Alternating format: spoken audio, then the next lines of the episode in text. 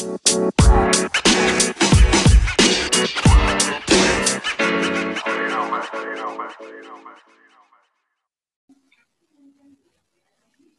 lu masih dengerin lagi podcast Kepo Kepo Kepo episode ke-51. Dan ini masih di seberang sana nih ada teman gue yang dia bisa dibilang kayak pas pandemik mengalami kejadian yang cukup luar biasa sih. nanti detail berikutnya nanti cerita berikutnya nanti setelah ini. Ini ada teman gue namanya Dian Krisnawati Pangaribuan. Halo sis. Halo. hai hai. Gue mau mulai gini sih. Apa? Gue mulai pertanyaan gini sih. Apa namanya? Gue punya uh, semacam bahasa kerennya hipotesa lah. Lu hmm. sepakat gak sih kalau antara pikiran sama tubuh itu saling terhubung atau terkoneksi? Hmm. Iya, pasti dong. Kenapa tuh? karena logikanya aja uh, pusat untuk segala sesuatu adalah ada di pikiran lo gitu hmm, kan hmm. jadi apa pun apa pun yang ada di pikiran lo pasti akan mempengaruhi sama ya kondisi kondisi tubuh lo sendiri itu pasti bakal berkaitan satu sama lain gitu oh jadi berarti sama dong bisa dibilang kayak istilahnya kayak uh, ketika lo merespon apa yang terjadi di luar diri lo itu kayak nanti juga berpengaruh ke ini nggak sih cara berpikir lo juga nggak sih? Hmm, hmm, hmm, hmm. hmm. Kasih. Nah, kalau dari apa ya kan apa ya kayak bisa dibilang nih uh, ini nggak apa-apa nih gue gua cerita tentang penyakit lo nih ya. Oke, nggak apa-apa. Ya, ya, oke, oke. Gue minta izin dulu gitu loh. Nggak kan, lo kan kemarin pas pandemik itu kan uh, sempat uh, kena serangan stroke ya. Nah, jadi stroke-nya gue itu sebenarnya hmm. kan ada dua nih stroke. Yeah. Ada yang penyumbatan uh. dan ada yang uh, apa pecah pembuluh darah. Oke. Okay. Nah, yang, yang gue alami adalah ini termasuk lumayan parah yaitu pecahnya pembuluh darah di otak gue, otak sebelah kanan. Gila. Yang mengakibatkan otak eh, berapa persen? 70 persen 70 persen otak eh berapa ya lupa lupa 60 atau 70 gitu kemarin pas dilihat hasil ininya hmm. 60 atau 70 persen otak gue itu dibanjiri darah hmm. yang kalau kalau misalnya nggak ada tindakan itu bakal merusak si sel-sel syaraf otaknya gitu. Hmm. Gitu. Itu yang gue alamin. Tapi ini gak sih kayak uh, lu sebelumnya emang apa emang lu notice lu punya riwayat penyakit ini atau emang lu baru tahu baru tahu pas kemarin lu kena itu sebenarnya? Jadi long story shortnya adalah sebenarnya gue tuh udah punya penyakit bawaan stroke yaitu darah tinggi hipertensi. Oke. Okay. Ini udah berapa tahun ya? dari sejak zaman kuliah hmm. udah enam atau tujuh tahun yang lalu hmm. tapi bandelnya gue adalah gue emang nggak rutin minum obat darah tinggi itu kan oh. kan obat obat darah tinggi itu harus terus menerus diminum hmm. dan nggak boleh berhenti sebenarnya yeah. selain lo jaga makanan jaga apa pikiran lo biar jangan stres atau apa pun itu gitu nah sebenarnya ya salah faktor terbesarnya karena itu selain stres juga yang gue alami di mungkin bisa dibilang di tempat kerja gue ya atau di pekerjaan gue. Oh, emang apa ya kayak istilahnya kayak uh, mungkin lo bisa cerita nggak sih gimana uh, waktu itu kondisi lingkungan pekerjaan lo sampai lo akhirnya bisa bisa sampai stres gitu loh. Tanpa harus nyebutin nama tempat kerja, tempat nama kantor lo ya. Jadi uh, sebenarnya untuk lingkungannya sendiri sangat-sangat support ya Riz ya. Uh. Jadi mungkin mungkin gue akan kebalikan dengan orang lain yang terlalu banyak tekanan, misalnya terlalu banyak target atau yeah. apa pun itu. Yeah. Tapi kebalikannya gue ini karena terlalu orang-orang di sekitar gue ini, orang kantor itu super baik banget, super super uh, support gue untuk ya let's say untuk bisa achieve target. Iya. Yeah. Ya. Gitu. Nah, karena hal itulah ada timbul perasaan yang wah kayaknya gue harus nggak nggak hanya nggak hanya 100% let's say target gue gitu ya. Nggak hanya achieve 100% tapi gue tuh harus bisa let's say 110 atau 120 karena okay. apa? Karena mereka tuh udah baik banget sama gue dan sebagai bentuk balas budi gue untuk mereka ya berarti selain gue harus achieve target ya gue juga harus bisa ngasih lebih dong. Iya yeah, iya. Yeah, gitu. Yeah. nah itu salah satu yang uh, bikin beban buat gue. Walaupun mereka sebenarnya kayak ya nggak usah lebih juga nggak apa-apa, tapi hmm. nggak hmm. tahu kenapa ya, maksudnya kayak di diri gue tuh ngelihat orang yang baik sama gue, gue kayak harus ngasih lebih lagi gitu loh. Riz itu yang mengakibatkan sampai gue bisa sakit gitu. Tapi itu lo apa ya kayak seperti apa sih ketika lo merasa beban tuh kayak secara apa ya? Secara mungkin uh, cara bertindak lo, cara berpikir lo ketika lo itu jadi beban tuh kayak gimana sih? Kalau lo bisa mengenali apa ya kayak rasa apa ya kayak mengenali si be karakter beban ini istilahnya gitu. Uh, lebih ke lebih ke pikiran gue sih yang bener-bener hmm. berat dan ngerasa kayak gak nyaman aja gitu loh, Riz. Hmm. Rasa yang aduh gimana ya gimana yang terlalu overthinking gitu loh oke okay, oke okay. Wah. Padahal kayak kemarin gue kalau ngeliat tuh terlihat fine-fine aja. kayak lu iya, dari luar kali Iya, ya. dari luar, iya, iya. Dari luar, tapi kan lu nggak tahu dia ada di dalam otak gue gimana tuh pikiran gue berkecamuk. tapi emang gitu. Di kantor apa ya, di kantor yang sekarang ini apakah emang lo ini nggak sih kayak sempat punya kayak beban juga nggak sih di kantor-kantor yang sebelumnya gitu?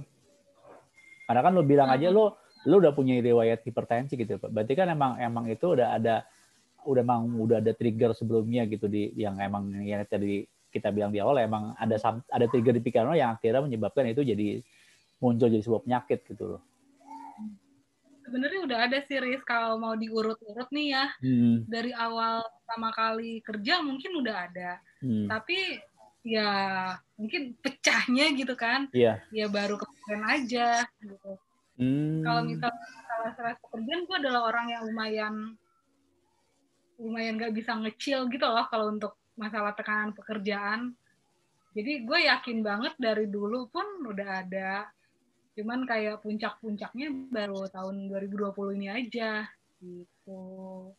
Oh, tapi apa bang emang sebenarnya kayak uh, apa ya? Uh, yang jadi menyebabkan puncak itu di tahun kemarin itu apakah emang dari uh, apa ya? achieve yang lo dap achieve yang lo yang lo apa ya yang lo terima atau emang kayak karena emang orang-orang di di orang-orang kantor di kantor lo itu emang super baik banget akhirnya malah makin nambah beban lo gitu nggak sih? Apa gimana sebenarnya? Kalau bisa lo mungkin bisa lo yang coba. Kedua. Yang kedua. Yang kedua karena karena gue merasa kalau dulu sih mungkin gue akan berpikir ya kalau misalnya orang-orang ini nggak baik, gue bodoh amat, gue bisa bodoh amat gitu loh. Yeah, Tapi yeah, yeah. sebenarnya kalau mereka itu benar-benar orang yang support dan mengerti gue, darin gue dari awal, menurut gue itu beban yang paling besar buat gue gitu. Hmm. Malah, Karena malah, kayak punya punya apa? tanggung jawab moral sendiri gitu loh, Riz. Oh. Berarti bisa dibilang kayak semakin orang-orang semakin baik sama lu jadi malah jadi merasa beban dong. Makanya gue bilang agak aneh emang pikiran gue nih. Tapi emang emang emang apa ya? Emang pattern itu apakah emang baru ada di tempat sekarang atau memang sebenarnya ini udah ada dari dulu sebenarnya sih? Uh, kayaknya baru gue rasain sekarang, bener-bener sekarang. Hmm. Karena kalau dulu lingkungan itu tidak mendukung sama sekali untuk bekerja, yeah. wajar dong orang yeah. bakal stres. Gitu. Tapi kalau sekarang lingkungan lo udah baik, yeah. tapi kok lo stres itu kan kayak kenapa sih lo gitu? Iya iya iya iya. iya. Mak iya bener kata lu sih jadinya jadi jadi agak aneh jadinya kan. Iya iya. Tapi kalau menurut lu terbatas ya dikasih orang yang jahat salah, dikasih uh, orang yang baik juga. Jadi maunya sebenarnya apa sih maunya gitu kan? Iya. Gue juga nggak ngerti.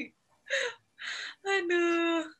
Tapi kalau misalkan mungkin kalau gue coba kayak mungkin apa ya kayak uh, mungkin kayak menganalisa gitu ya kayak kenapa kalau menurut lo kenapa bisa akhirnya lo bisa apa ya bisa sampai muncul uh, darah tinggi hipertensi itu? Maksudnya kan berarti kan emang ada problem di pikiran lo yang mungkin eh, nggak uh, terselesaikan, mungkin kayak lo keep agak lama sampai akhirnya tuh jadi sebuah penyakit gitu loh.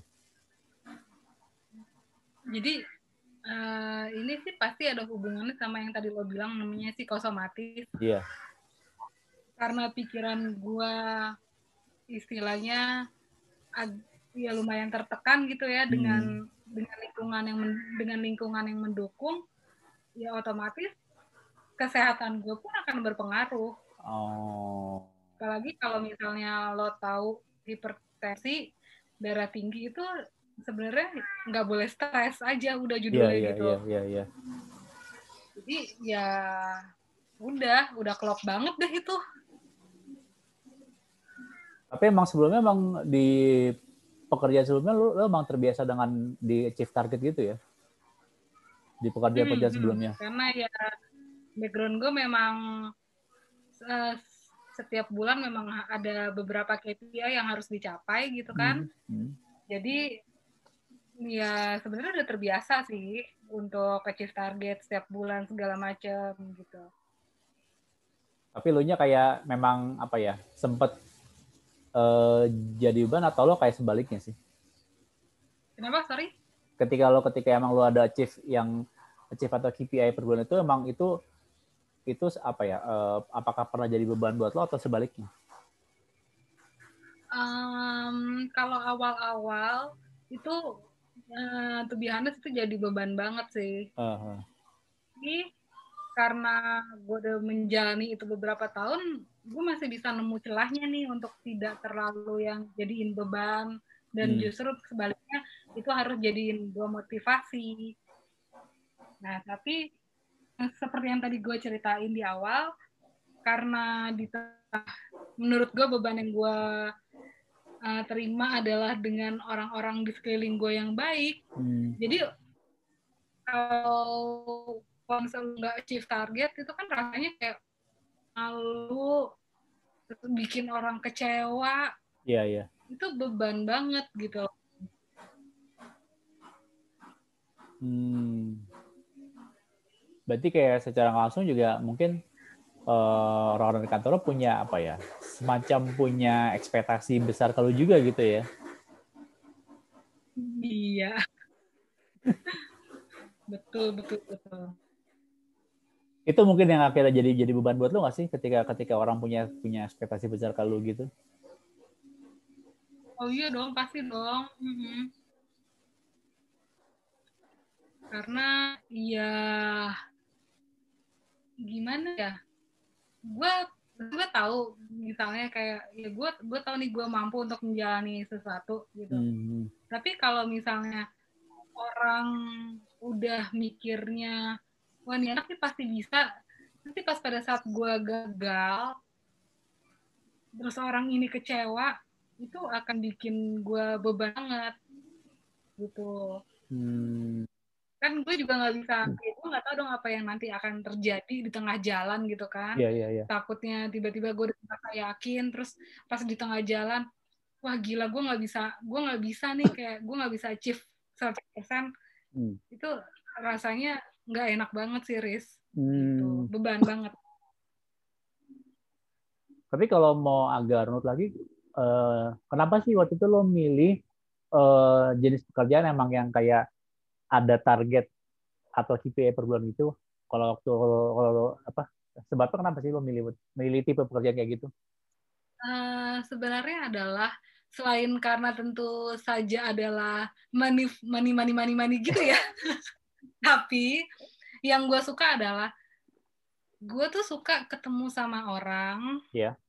Dan gue suka juga maksudnya belajar tentang karakternya orang dan yeah dan ya pokoknya intinya adalah networking gitu ya. Hmm. Nah pekerjaan inilah yang mendukung banget untuk bisa gue melakukan hal itu, gitu. Makanya kenapa gue tetap bertahan dan dan tetap dia menyukai bidang ini gitu. Hmm. Selain juga cara apa penantang juga ya, challenging juga kan? Challenging pasti ya. Karena harus harus bisa apa ya meyakinkan orang supaya mau beli apa ya mau mau deal atau mau mau apa ya mau yeah. ngebeli istilahnya kan produk atau mm -hmm. atau servis yang lu yang lu punya apa ya dari kantor lo gitu gitu kan betul betul betul. Tapi kalau uh, tadi lu bilang kan uh, lu apa sebelumnya kan udah dari udah dari riwayat hipertensi atau atau darah tinggi kan ya? Mm-hmm. nah sebelum lo apa ya sebelum lo dapat diagnosa penyakit itu waktu itu apa ya uh, emang sempat apa ya lu sempat ini gak sih kayak ngalamin kayak uh, stres atau mungkin kayak ada beban atau gimana gak sih Oh iya serius pasti dong. Maksudnya mikirnya tuh gini, gila kan gue masih muda ya. Iya. Ini kayak nggak mungkin banget gitu. Tapi yeah. ternyata ya memang it happens gitu loh. Hmm. Itu bakal hmm. bisa jadi sama siapa aja. Tapi ya mau nggak mau juga harus terima. Uh, dokter bilang kamu tuh ada ada riwayat hipertensi. Iya. Yeah. Gitu.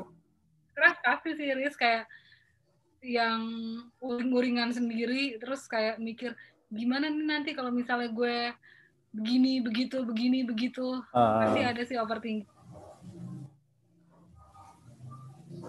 Nah kalau sebelumnya apa ya sebelum uh, akhirnya lo uh, dapat kado penyakit ini istilahnya kalau sebelumnya uh -huh. lo apa ya uh, gimana lo cara apa ya cara manage uh, stres atau atau beban di pikiran lo gitu sih kalau dulu sebelum lo kena lo apa ya kena uh, penyakit stroke ini?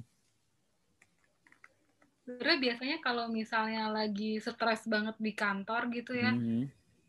sesimpel kayak uh, ketemu teman-teman nongkrong atau yang biasa gue lakukan lah misalnya solo traveling gitu. Yeah. Tapi nggak tahu mungkin karena kemarin juga ya udah di puncaknya gitu ya hmm. jadi walaupun gue sempat melakukan hal yang dulu biasanya gue lakuin pas gue lagi stres-stresnya, yeah. tapi ternyata itu tidak berhasil gitu, hmm. malah jadi tambah memicu penyakit gue gitu. Atau ini kayak jangan ketika lo lagi traveling, lo jadinya masih kepikiran kerjaan enggak kan? biasanya gitu sih Riz. handphone kalau handphone kalau matiin ya kalau saya apa kalau airplane mode gitu. Tapi selalu gue akan bawa laptop sih nggak tahu kenapa kayak pasti sesekali sempat untuk ngecek email kantor. Tetap ya. Jadi kalau waktu kerja empat bawa laptop berarti dong. Bawa jujur bawa. Gila. Bawa.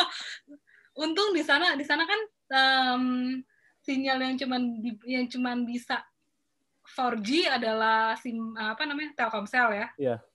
Jadi ya udah tethering pakai handphone gitu. Tetap ngecek email kantor, tetap. tetap ya. Tapi kenapa lo pilihnya traveling sih? Uh, mungkin karena kalau traveling itu kan gue jauh. Istilahnya gue jauh dari kehidupan gue yang sebenarnya nih. Yeah. gue jauh dari Jakarta. Terus gue sendirian literally sendirian nggak hmm. tahu. Ya istilahnya nggak punya rumah. Jadinya um, ya enjoy aja. Untuk untuk even gue cuman kayak misalnya duduk di coffee shop terus cuman ngeliatin orang sekitar doang hmm. itu kayak ya udah itu juga stress relief buat gue gitu. Oh. Jadi lu duduk aja di coffee shop ngeliatin orang lalu lalang gitu ya? Hmm. itu apa sih yang lo rasakan dengan lo diem duduk terus merhatiin orang kayak orang masuk pesan kopi orang duduk keluar gitu? Apa sih yang lo rasain dengan lo melakukan hal itu somehow Iris ya gue bisa kayak misalnya ada orang nih masuk atau ada bapak-bapak tua lewat atau apa kayak ya ampun ternyata gue masih masih bisa ke sini aja gue udah bersyukur gitu loh mm -hmm. ya ya mungkin salah satunya adalah gue bisa mensyukuri hidup yang udah dikasih gitu loh terus gue juga bisa ya udah diem aja dulu diem tidak melakukan apa-apa hmm. lebih ke ya istirahatin badan dan pikiran lo aja gitu. Dengan oh. cara diem duduk aja gitu ngeliatin sekitar lo gitu. Itu sebenarnya sih badan sih cara cuman pikiran lo yang belum tentu bisa istirahat ya. Tetap masih bekerja gitu. Aduh. Tapi kalau lo kayak lo apa ya lo di coffee shop gitu lo lebih suka emang coffee shop emang yang agak sepi atau yang benar-benar yang crowded banget nggak sih? Atau lo lebih pilih uh, pilih yang mana? Lebih lebih prefer yang mana? Kalau lagi kalau lagi traveling lebih suka yang sepi, yang sepi. Eh tergantung sih. Hmm. tergantung suasananya lo tuh pada saat itu gimana. Yeah. kalau pas pada saat itu gue lari dari pekerjaan gue yang uh bikin stres gitu kan. Hmm. gue tetap seneng ke coffee shop yang ya udah sepi. Yang mungkin orang-orangnya akan sibuk bekerja dengan pekerjaannya masing-masing di uh. coffee shop itu.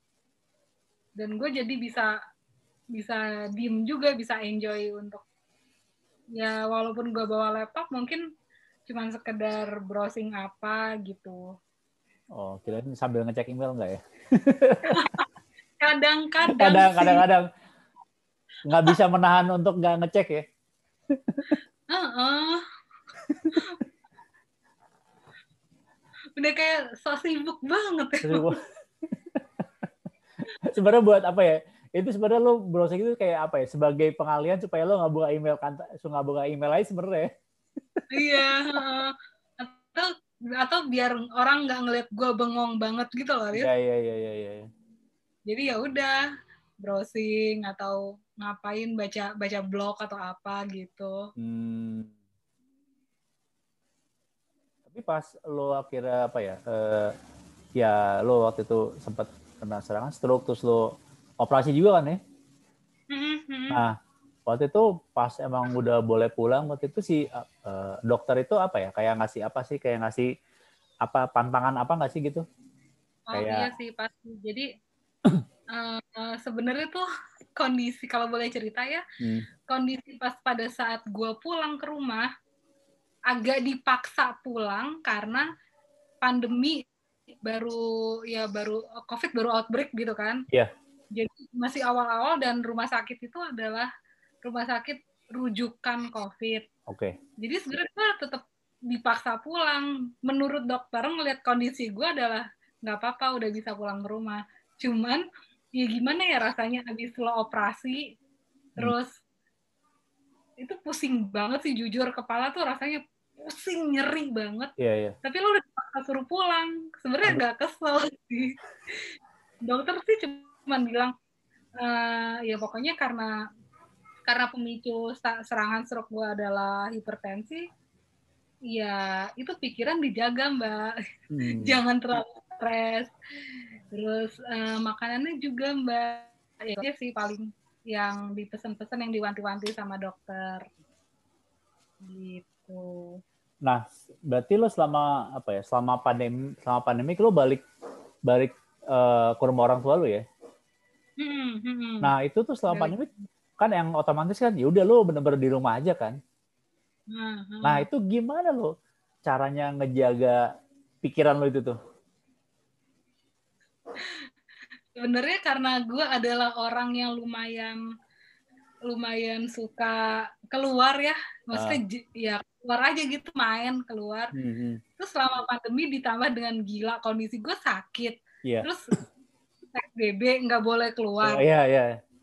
jadi caranya adalah ya udah untungnya dengan ada zoom dan video call apa segala macem orang kadang-kadang tuh ya Riz sampai gue tuh bisa ngerecokin temen gue cuman buat telepon atau video call yang hmm. bener-bener menurut menurut dia sih nggak penting gitu loh. Tapi kayak karena gue istilahnya gue kesepian banget nih gue nggak bisa keluar daripada nanti gue makin stres gitu iya, kan. yeah, yeah, yeah, ya udahlah gue gangguin apa gue gangguin aja lah temen gue walaupun dia bete ya gue tetap kayak sorry ya soalnya gue stres banget nih gitu. Hmm. jadi kayak emang emang apa ya emang menjaga kewarasan dengan lo banyakin ngobrol ya. Hmm, hmm, hmm. Kalau enggak ya ampun udah tambah gila kali ya. Mungkin lo kalau nonton Netflix lo bosan juga lama-lama ya? ya ampun, Riz. Itu udah kayak, gue nggak tahu lagi mau nonton apa. Udah bosan banget. Dan udah nggak nafsu lagi mau nonton. Dan pasti kan abis nonton, lo kan tahu pengen cerita kan. Eh, gue nonton ini lo, filmnya bagus lo. Lo mau nonton nggak gitu, bener kan? Tapi kan yeah. sama siapa gitu. Uh, uh, uh, uh, betul, betul, betul. Nah, ketika lo akhirnya lo uh, lo ngobrol sama sama teman-teman lo lewat Zoom, video call atau yang lainnya itu apa sih dampak yang ras, lo rasakan ke lo ketika ketika lo ngobrol sama setelah lo ngobrol? Hmm, jadi setelah ngobrol pasti kayak ada rasa nggak tahu ya rasa kayak lega seneng aja gitu. Yeah. Maksudnya seneng gue bisa ngoceh nih, seneng gue bisa dengerin orang lagi ngomong gitu. Mm -hmm jadi lebih ke ya itu penyelamat banget sih penyelamat lo untuk bisa tetap waras hmm. dan setelah setelah lo selesai ngobrol sama teman-teman lo itu apa uh, apa yang lo rasakan jujur happy banget. Akhirnya maksudnya uh, ternyata gue juga masih masih bisa ngobrol sama mereka gitu kan. Pun bisa ketemu gue tetap bisa ngobrol. Masih ad, masih banyak banget bahan obrolan yang ngalir gitu aja. Padahal gue juga nggak tahu misalnya kayak gue mau nelpon gue mau ngomong apa ya? Ah, nggak tahu deh. Tapi pokoknya gue harus ngomong. Hmm. apaan aja yang bisa gue bahas gitu oh. biar nggak ngeganjel gitu biar biar biar nggak ngerasa kesepian banget intinya gitu iya udah lo di rumah aja nggak boleh keluar kan Hmm, hmm. Hiburan juga terbatas ya. iya, makanya. Tapi itu kan kayak itu kan kayak lu ngobrol sama temen lu. Tapi kalau untuk kayak secara lu personal bener-bener yang hanya lu sendiri lakuin itu ada nggak sih cara lu untuk menjaga pikiran supaya nggak stres itu? Emangnya tidak melibatkan orang lain gitu? Hmm, ada dong. Karena gue di rumah pelihara kucing. Ah, oke. Okay. Jadi ya itulah salah satu istilahnya temen temen yang bisa gue ajak ngobrol hmm. aja gitu. Ya itu sih miara hewan juga lumayan. Istilahnya walaupun istilahnya walaupun si kucing ini nggak ngerti omongan tapi yang penting udah gue ngomong aja. iya, iya bener. itu emang jadi itu juga ya, jadi kayak apa? ketika lo jadi itu kayak lo coba apa ya emang main sama si, si kucing lo atau kayak lo mau ajak apa ya kayak lo ngobrol kayak seakan-akan ngobrol sama dia atau atau apa sih yang kayak kayak activity yang lo lakuin bersama si, si kucing lo ini biasanya macam-macam Riz jadi kalau misalnya siang gue lebih sering main main sama mereka gitu kan hmm. kayak ya pakai mainan kucing atau yeah. apa pun itu. Tapi kalau malam gue lebih suka misalnya ngajak mereka ke ranjang terus ya udah sambil ngelus-ngelus mereka sambil kayak ceritain aja yang lagi gue alamin. Misalnya gue cerita kadang gue suka cerita masalah kantor juga gitu. Ke kucing gue kayak aduh mbak Dian tuh gini gini gini ini di kantor gitu. Ya udah tapi menurut gue kayak ya udahlah dengan begitu juga rilis rilis stres gue juga gitu hmm tapi ada nggak sih kayak pemicu lain lo untuk bisa stres selain emang lo cuma di rumah aja, hiburan terbatas, lo nggak boleh keluar gitu? Sama, sama hmm. pandemi. Kalau ngomongin yang sekarang ya, paling masa seputar masalah kantor aja sih, Riz. yang lain kayaknya nggak ada sih. Hmm. Tapi kayak apa ya? Kayak reaksi orang kantor lo ketika mereka tahu lo punya penyakit ini gimana sih waktu itu? uh, reaksi kantor, reaksi orang kantor ini? Mereka tuh nggak nyangka sebenarnya kayak dan gue juga nggak nggak bilang kenapa gue bisa sampai uh, apa pecah pembuluh darah. Iya. Yeah. Karena gue gue nggak etis aja dong menyalahkan kantor gitu ya. Iya iya iya iya. iya. Jadi ya mereka cuma tahu oh dia nih punya emang punya riwayat hipertensi makanya dia bisa sakit kemarin gitu. Hmm. Mereka ya mereka kayak kaget, "Hah? Kok bisa sih?" Sampai mereka bertanya-tanya kayak, "Kok bisa? Emang lu emang lu punya ini, punya hipertensi?" iya emang punya oh baru mereka kayak sadar gitu loh gila ya ternyata bisa bisa kayak gini akibatnya gitu oh jadi kayak menyadarkan orang juga bahwa ternyata bang uh, uh. dari maksudnya dari penyakit yang iya penyakit yang sifatnya kayak se, apa penyakit yang sekelas apa ya hipertensi ternyata bisa separah itu gitu efeknya kayak gitu misalnya ya. Hmm, tapi nggak ada yang nanya ini kayak lu bikin apa sih bisa apa kayak lu stres ya? Lu apa sih? Ada yang ada yang nanya gitu gak sih? Nggak jujur kalau uh, kalau orang-orang kantor nggak bakalan cerita gue cuma cerita iya nih uh, kayaknya makanan gue makanan gue sembarangan sih kemarin-kemarin gitu aja. Maksudnya ya gue juga menjaga hubungan baik juga lah iya, ya. iya iya iya gue tidak akan terlalu open menceritakan masalah itu ke orang kantor. Karena orang kantor udah baik banget sama lu gitu ya, lu jadi gak enak. Ya. itu dia. Tapi kalau menurut tuh apa ya sebenarnya kayak eh, penyakit macam kayak hipertensi atau darah tinggi sebenarnya ini nggak sih kayak bisa dicegah dari awal nggak sih? Harusnya bisa, Riz. Harusnya bisa. Bisa banget malah. Hmm. Bisa banget kok. Cuman tergantung orangnya masing-masing aja. Gitu. Kalau menurut lo gimana cara cara apa ya kayak cara mencegah supaya tuh penyakit itu nggak apa ya nggak nggak ya nggak nyerang lo lah istilah kasar kayak gitu. Berdasarkan pengalaman yang udah gue alami ini adalah hmm. yang pertama sih emang lo nggak bisa lepas dari obat jadi memang harus rutin ma uh, makan obat setiap hmm. hari hmm. terus uh, sama makanan dulu sih ya pasti hmm. makanan tuh benar-benar harus lo jaga banget karena gue jujur mungkin dua tiga tahun ini makanan gue sembarangan banget gitu. Oke. Okay. Jadi itu lo harus lo jaga dan uh, how to manage your, your stress gitu. Hmm. Harus banget. Kalau sebenarnya nggak hanya nggak hanya hipertensi aja sih hmm. yang memicu, ya, pemicunya adalah stres. Mungkin kalau kayak kolesterol juga sama kok. Iya iya, iya. stres juga. Hmm tapi uh, kayak how to manage stress versi lu tuh kayak gimana sih benernya? Uh,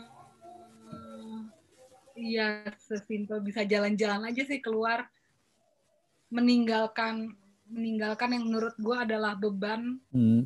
di sini gue keluar. Ya udah sesimpel itu. Oh jadi benar-benar kayak meninggal apa kayak contoh misalkan kerjaan ketika lo misalkan pergi ke mana atau lo traveling ya bener-bener ya udah nggak bener-bener nggak apa nggak ngecek kerjaan sama sekali gitu ya. Walaupun sebenarnya realitanya susah ya. Iya. Ah, begitulah. Tapi kayak ini nggak sih lo pernah apa ya kayak uh, pernah tahu kayak semacam kayak meditasi gitu nggak sih? Uh, tahu sih tapi hmm. cuman dia belum pernah melakukan itu jujur. Hmm. Tidak belum pernah terpikirkan lah ya. Tapi sempat sempat apa ya kayak lu sempat sempat cari tahu ya berarti ya?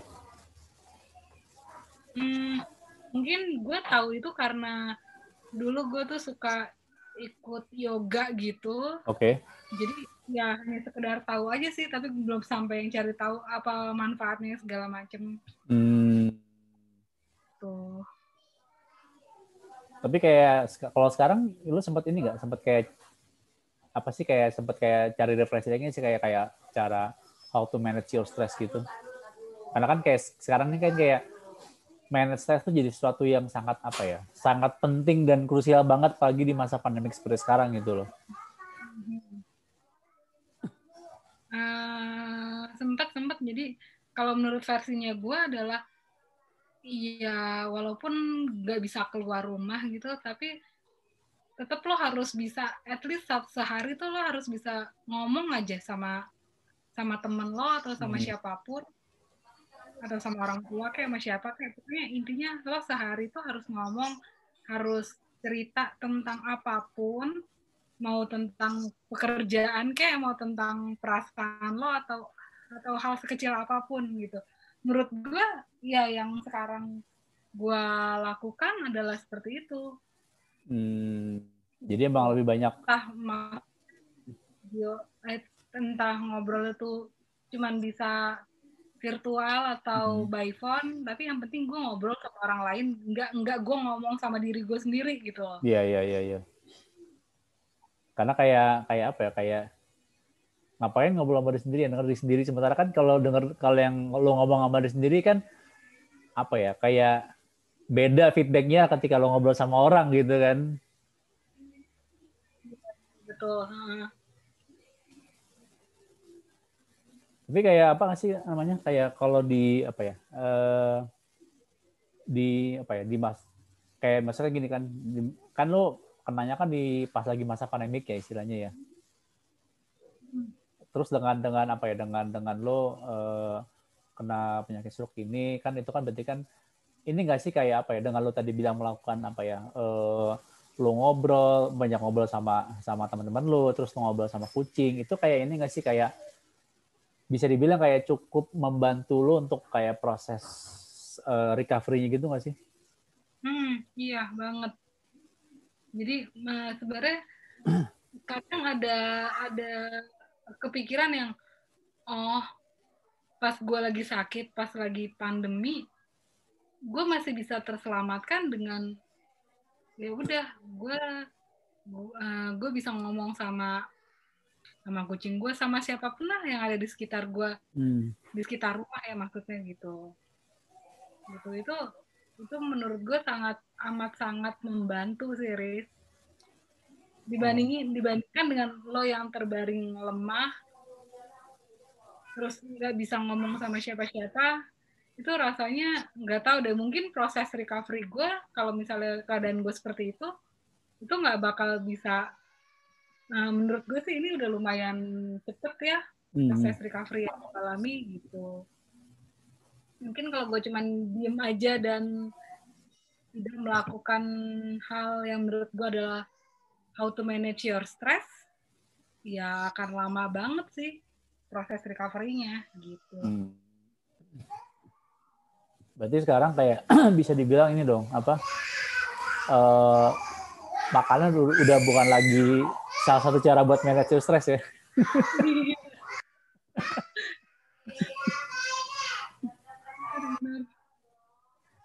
Apalagi kan lu juga kena penyakit stroke juga pasti kan uh, ada ini nggak sih kayak pandangan makanan gitu nggak sih? Uh, ada ada pandangan. Ada be ada beberapa jenis makanan yang memang tidak boleh lo konsumsi hmm. karena um, itu akan menim apa sih memacu tekanan darah lo akan lebih lebih tinggi lagi misalnya yeah, yeah, gitu. Yeah. Jadi ada ada spesifiknya ada kok dari dokter. Oh berarti ketika ketika misalkan contoh misalkan lo udah kondisi sekarang lo tiba-tiba stres berarti kayak bisa apa ya bisa memicu si apa ya bisa kayak menekan si otak lo itu berarti ya kayak jadi jadi kayak ngepres otak lo gitu gak sih jadinya? Iya, iya, ha, iya. Walaupun yang istilahnya apa ya? Walaupun istilahnya kayak stres yang level kecil pun gitu. Uh, kalau yang gue rasain sekarang adalah kalau misalnya gue udah agak, aduh, mumet banget gitu ya, hmm, hmm. itu kerasanya adalah kayak aja gitu loh. Oh, oke okay, oke. Okay. Nah itu kalau kayak gitu gimana tuh? Sama kan yang kayak cuman pusing gitu beda series yang gue rasain. Iya beda beda. Gitu. Nah ketika lo lagi tadi ngerasa mumet itu uh, apa yang lo bisa lakukan untuk bisa kayak meminimalis ya kemumutan yang lo alamin itu? Uh, eh, gue misalnya ini ngobrolin masalah stres pas gue kerja ya, yeah. yang lagi gue kerja sekarang gitu. Mm-hmm. Ya paling gue cuman kayak udahlah gue berhenti aja gitu hmm. gue berhenti mengerjakan itu udah beres-beres tutup laptop gue dengerin Spotify dengerin yeah. lagu udah tidur aja gitu hmm. gue istirahat tidur udah kayak cuman even gue tidur cuma 30 menit atau satu jam tuh bangun-bangun kayak lumayan seger gitu. Berarti bisa dibilang ini dong kayak selama pandemi juga kayak apa ya ngerubah habit lu juga gak sih? Kayak habit lo iya. makan habit lo tidur gitu kan? Betul betul. Mengaruh banget ngerubah banget sih itu. Jadi lebih jadi lebih teratur ya? Mm-mm. dan jadi lebih morning person dong nggak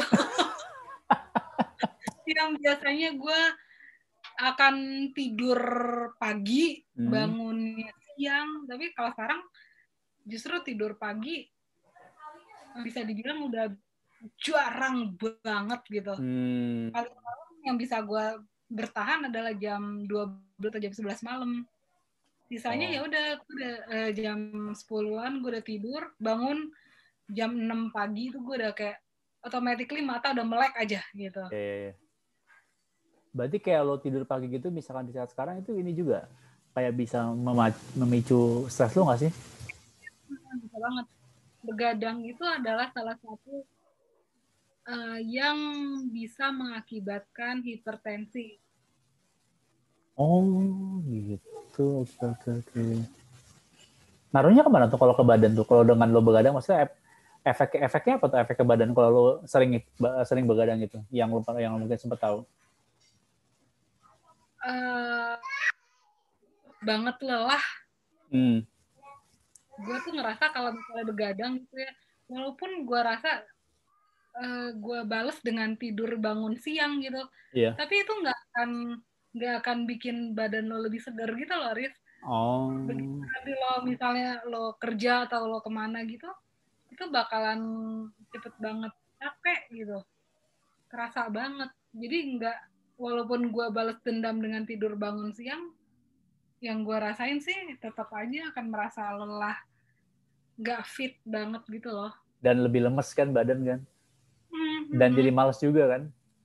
Iya betul.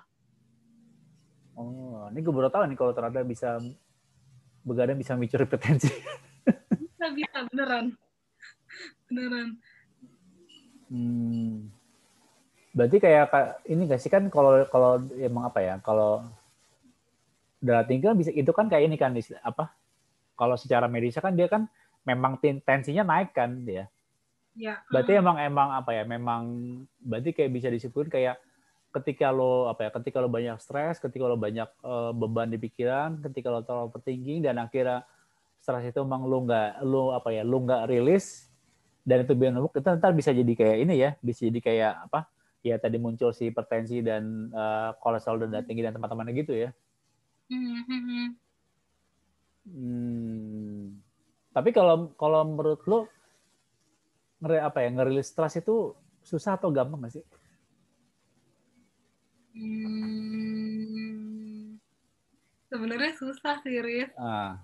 Kalau gue jujur sih susah ya, karena gue adalah kecenderungan orang yang terlalu terlalu larut kalau ada masalah gitu loh nggak bisa yang dibawa chill aja gitu agak susah hmm. buat gue dan dan rilis stres itu butuh banget perjuangan oh gitu oh makanya salah satu bentuk uh, lo manage stresnya dengan lo ngobrol ya hmm, hmm, hmm. hmm. walaupun dalam ngobrolan itu gue tidak akan menceritakan tentang apa yang gue alami gitu ya, yeah, tapi yeah ya pokoknya asal gue ngoceh aja udah. Pokoknya pikiran gue bisa terdistraksi gitu hmm. dari masalah yang lagi gue hadapi. Tapi ketika lo ketika lo ketika lo uh, apa lo ngobrol sama teman lo lo selesai ngobrol kan tadi kan, kan masalahnya masih ada nih. Hmm. nah itu kayak kayak apa ya kayak rasa stresnya apakah masih ada atau kayak berkurang atau gimana sih? Karena kan masalahnya masih ada uh, gitu loh. kayak cuma dialihkan uh, doang kan. eh, kalau rasa udah selesai apa enggak ya pasti belum sih. Tapi kayak hmm. lebih agak lega aja gitu. Karena hmm. gue bisa mendistraksi pikiran gue untuk tidak terlalu fokus di situ. Hmm. gue bisa ya teralihkan ke obrolan dengan teman-teman gue jadinya bisa merasa bisa ngerasa kayak ya udahlah nanti mungkin ada jalan keluarnya atau yaudah nanti aja deh gue pikirin. Nggak sekarang gue nggak mampu nih gue nggak sanggup mikirin yeah. jalan keluarnya sekarang misalnya gitu. Tapi emang ini sih kalau ini gua kalau dari apa ya kalau dari base dari pengalaman gue sih uh, meditasi itu work banget sih buat kayak how to manage your mind sih. Termasuk di tes juga gitu. Karena kan kayak ketika lo meditasi apa ya ketika lo meditasi itu kan lo kan ngatur nafas kan mm-hmm. nah ketika lo ngatur nafas itu pelan itu kan istilahnya kayak dengan dengan atur nafas teratur berarti kan kayak supply oksigen ke otak juga jadi kayak lebih nggak berlebihan gitu loh. Hmm, nah, yeah. uh, nah kan makanya kan dulu kalau bukan dulu sih kayak ada kayak orang sering bilang kayak jangan cepet marah nanti cepet tua gitu. Karena karena emang karena emang ketika orang marah kan dia uh, pengaturan nafasnya kan cepet kan. Jadinya hmm. supply supply oksigen ke otaknya cepet. Jadi kayak terlalu asupan otak eh, asupan oksigennya berlebihan. Sementara kan oksigen kan bisa bisa bikin sel ini juga ber apa ya ber, ber apa ya bertransformasi juga gitu. Jadi akhirnya jadi cepat tua gitu. Makanya kan dengan dengan lo meditasi apa ya supply yang tadi gue bilang supply oksigen ke otak lo juga jadi lebih teratur jadi juga emang pas gitu loh. Jadi nggak berlebihan. Karena kan kalau berlebihan nah itu bisa bikin bisa bikin apa bisa bikin lo cepet tua bener gitu istilahnya hmm. kalau gue pernah tahu Tapi, kayak gitu tapi kenapa gue belum bisa melakukan itu karena kalau meditasi setahu gue lo harus bisa konsentrasi ya Riz ya hmm. nah gue tuh agak sulit gitu loh maksudnya kayak kalau misalnya pun gue lagi merem dan lagi hmm. ini kayak ada aja gitu yang di pikiran gue oh. lewat kayak gitu. Jadi susah banget buat konsentrasi makanya buat gue gitu. makanya sebenarnya cara paling gampang buat meditasi cara fokusnya adalah lo fokus di nafas itu udah paling paling simpel banget. Gitu. Jadi kan ketika lo ketika lo fokus ke nafas kan walaupun di apa ya di otak lo itu banyak pikiran-pikiran ya lo lo cuekin. Karena kan lo lagi fokus ke nafas hmm. gitu. Jadi sebenarnya kayak fungsi nafas tuh ya sama kayak tadi lo ngobrol lah sebagai distraction dari apa yang apa yang pikiran lo pikiran apa ya pikiran lo yang lalu di otak lah istilahnya kayak gitu iya, iya, hmm, dan Oke, menarik, menarik. Iya, ya ini sih kayak apa ya, ya berdasarkan pengalaman gue aja gitu loh. Dan emang ada teman gue yang emang dia emang cukup ngerti secara apa ya, secara sains lah kenapa ya meditasi itu ya tadi bisa mencegah penuaan. Boleh juga nih.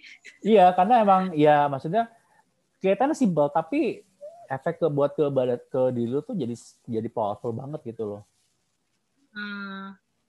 Gitu. Jadi kayak kayak apa ya? Ini kan kayak gini kayak kalau mungkin kalau gue gue bisa kasih skenario adalah pasti nanti akan ada saatnya istilahnya walaupun ini uh, bakal kejadian atau enggak kan ada saatnya mungkin lo akan susah untuk mungkin yang harusnya lo bisa ngobrol sama teman lo via zoom via uh, call. Hmm. ketika misalkan ketika misalkan mereka lagi nggak bisa dan lo butuh, butuh rilis stress nah apa yang bisa lo lakukan gitu kan? Hmm. nah makanya kayak apa ya kayak meditasi itu bisa jadi salah satu opsi sebenarnya sih. Ketika emang lu nggak bisa ngobrol sama siapa nggak bisa ngobrol nggak bisa ngobrol sama teman lu ya itu bisa jadi pilihan gitu loh. Ini kucing okay.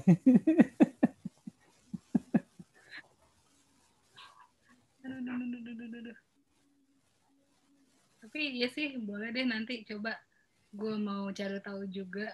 Kalau ya itu tadi juga sempat kepikiran kan kayak kalau misalnya nggak ada yang bisa nih orang kan pasti punya kesibukan masing-masing ah, ya. itu iya iya. Kalau bisa istilahnya nggak selalu bisa gue gangguin gitu. Hmm. kayak ya juga sih. kayak jangan sampai ntar ketika jangan sampai ntar jadi beban buat tuh kayak aduh gue harus ngobrol tapi orang-orang pada nggak bisa pada sibuk gimana ya ntar malah jadi malah jadi nambah stres lagi gitu. Iya iya iya betul betul betul.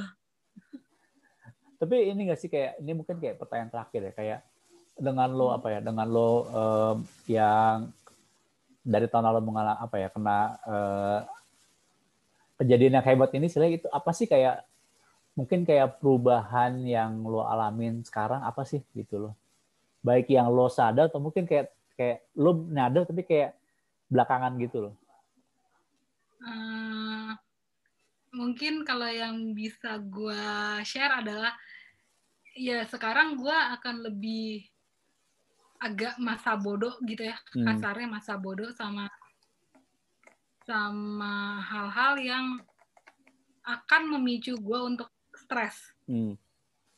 misalnya kerjaan atau apa pun itu gue masih bisa kayak mengesampingkan bukan berarti gue nggak peduli tapi gue bisa mengesampingkan untuk tidak terlalu fokus tidak terlalu uh, mikirin banget hmm. gitu.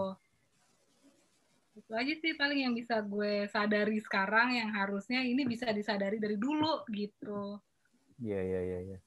jadi kayak bukan bukan cuekin tapi kayak udah bisa nanti nggak harus sekarang gitu kan. Bener nggak sih bahasa bahasa kamu gitu nggak sih ya ya bener ya walaupun itu menurut lo ini nggak sih susah nggak sih kayak untuk kayak udah nanti aja nanti aja. Itu awalnya susah nggak sih? Butuh perjuangan beneran deh buat gue itu hal yang mudah beneran. Tapi nggak sampai akhirnya lu akhirnya bisa dengan apa ya bisa lakuin itu apa yang lo lakukan saat itu?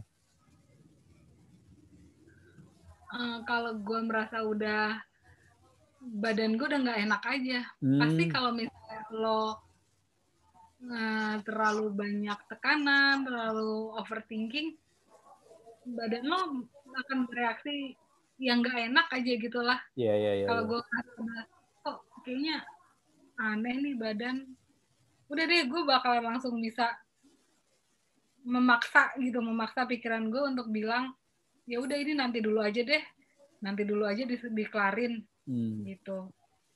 Biar nggak kebablasan gitulah istilahnya. Jadi kayak lo lebih lo lebih notice dengan badan lo sendiri gitu ya? Kayak ketika ada kayak ada ada yang apa istilahnya kayak lo menyadari kayak kayak ada yang nggak bisa ada yang nggak bisa badan gue ini berarti ada something oke okay, berarti ini apa nih gitu kan jadi lo lebih lebih apa ya? Uh, ya itu lebih notice dengan dengan dengan kondisi pikiran lo, lo notice dengan kondisi emosi lo, notice dengan kondisi badan juga gitu ya. Iya, betul. Tapi kalau misalkan ini gue jadi nanya lagi, tapi nggak apa ini terakhir deh. Okay. apa kayak lo misalkan uh, entah lo ketemu orang atau mungkin lo ketemu, ketemu teman lo yang yang mereka tuh kayak sering stres, sering overthinking. Lo kira-kira pengen bilang apa sih ke mereka dengan apa yang udah pernah lakukan? Ya udahlah santai aja. Lo tahu nggak gue begini? Karena gue tuh stres banget. Gue pengen bilang kayak gitu. Lo jangan sampai ngerasain apa yang nggak enak dulu deh. Uh. gitu. Kalau bisa maksudnya gue yakin sih setiap setiap masalah pasti akan ada jalan keluarnya. Cuma yeah. daripada lo nyakitin badan lo sendiri yeah.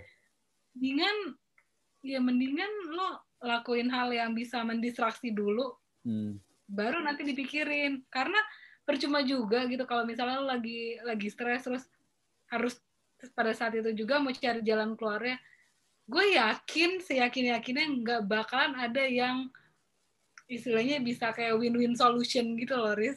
Oh emang susah sih nyari win-win solution gitu sih kayak karena tabrakan apa ya kayak gue kayak gue mau gini tapi kayak win-winnya harus gini tapi kayak aduh ini gimana biar mau ngalah istilahnya gitu tuh. Makanya ya udah tunggu tunggu lo calm down dulu deh baru dipikirin lagi. Karena kalau dipaksain juga nggak bagus beneran deh buat badan. Gue contohnya nih gitu. Waduh, jangan, jangan, jangan. Jangan, jangan, jangan. jangan jangan lu lu lu jangan sampai ngalamin apa yang gue alamin deh. Uh, iya. Tapi nggak boleh. sempat sempat beneran ngomong gitu gak sih ke entah ke orang yang lo temuin atau ke temen lo gitu? Bilang-bilang gue kalau ketemu sama temen gue yang gue tahu nih anak nih agak-agak lumayan overthinking gitu ya hmm. orangnya. Gue kayak udah ngocehin duluan aja. Lu jangan sampai deh kayak gue udah gitu aja mereka juga pasti bakal ngerti gitu kayak yeah, yeah. oh iya ya kemarin kan dia kena stroke gini gini, gini. ya udah gitu jadi apa ya jadi kayak cukup amu juga omongan lo gitu ya